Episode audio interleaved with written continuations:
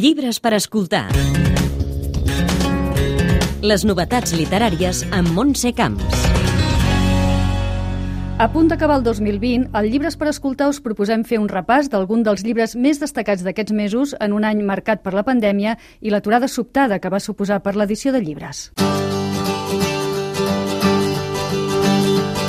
La Casa de Foc, de Francesc Sarés, publicat per Proa. L'escriptor torna després de sis anys amb una història situada a la vall del Cer i que parla d'un professor que s'estableix en una casa mig abandonada al poble del Sallent.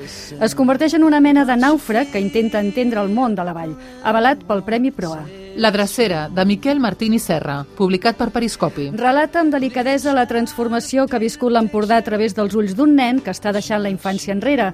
El llenguatge molt treballat és una de les claus de l'obra, de la qual se n'han fet quatre edicions i que és una de les finalistes al Premi Òmnium a millor novel·la de l'any. Boulder, d'Eva Baltasar, publicat per Club Editor. També és finalista al Premi Òmnium. Boulder és com s'anomenen en anglès les grans roques solitàries com les que hi ha al sud de Patagònia. I aquesta és la història d'una dona solitària que s'ha d'afrontar temes com la maternitat de la seva parella, un nou èxit d'Eva Baltasar després de Parmagel. Amor, de Sara Messa, publicat per Anagrama. La pertorbadora història d'una noia que se'n va viure en un poble amb un ambient claustrofòbic, possiblement la millor novel·la d'aquesta jove autora madrilenya que ja s'ha posicionat entre les millors de la seva generació.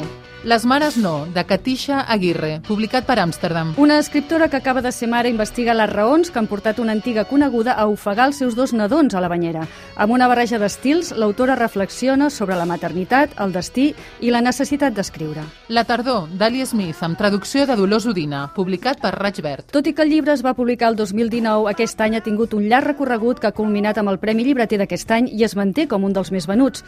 És el primer llibre de l'anomenat Quartet Estacional, on la consagrada autora britànica endinsa el lector a la relació entre un home gran i la seva veïna adolescent en els dies immediatament posteriors al referèndum del Brexit. Els amants de Coney Island de Billy O'Callaghan i amb traducció de Ferran Rafulgesa, publicat per l'altre editorial. La història d'amor de dues persones normals, casades i amb responsabilitats familiars que es veuen un cop al mes des de fa 25 anys.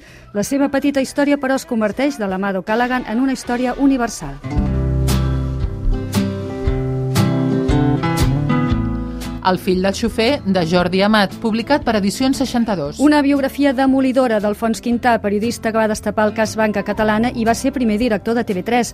Retrata Quintà com un home dèspota i cruel que va créixer sota la protecció de Josep Pla i va abocar tot el seu odi contra persones com Jordi Pujol. L'infinit en un jong d'Irene Vallejo, publicat per Columna i Ciruela. Convertit en un dels assajos amb més èxit de l'any, aquest llibre tracta sobre la història dels llibres que uneix els clàssics amb el món contemporani.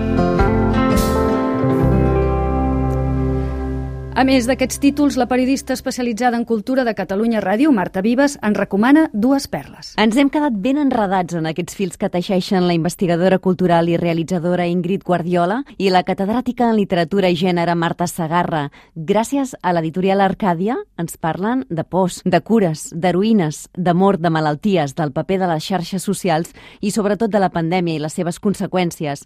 Una relació epistolar intensa i profunda sobre temes íntims que acaben sent col·lectius col·lectius que es couen a foc lent, un llibre que s'acaba amb el primer confinament, al maig del 2020, i que es demana sobre la nova normalitat, que sona estrany, tot i que ara la comencem a conèixer i per la qual necessitem més cartes de l'Ingrid Guardiola i la Marta Sagarra, no tant per les respostes, sinó per les reflexions sobre nosaltres mateixos. Sempre seràs l'esperança, sempre seràs Mango Street. No pots esborrar el que saps, no pots esborrar qui ets. I amb aquest fragment us podeu fer una idea de la gran troballa d'aquest final d'any. Una novel·la que és un clàssic contemporani per a lectors grans i joves. Un regal que l'altra tribu ha tingut l'encert de tornar-nos a posar a prop amb una traducció al català de la Míriam Cano i il·lustracions de Núria Solsona, que ens fa descobrir o redescobrir, segons la vida llegida, a una escriptora com és la Sandra Cisneros, poeta i novel·lista xicana, que vol trencar amb les convencions establertes en un barri hispà als afores de Chicago, la noia que somia amb casa pròpia per escriure la seva història. Afortunats, si encara no l'heu llegit, perquè ara en teniu una oportunitat esplèndida. Llibres per escoltar. Les novetats literàries amb Montse Camps.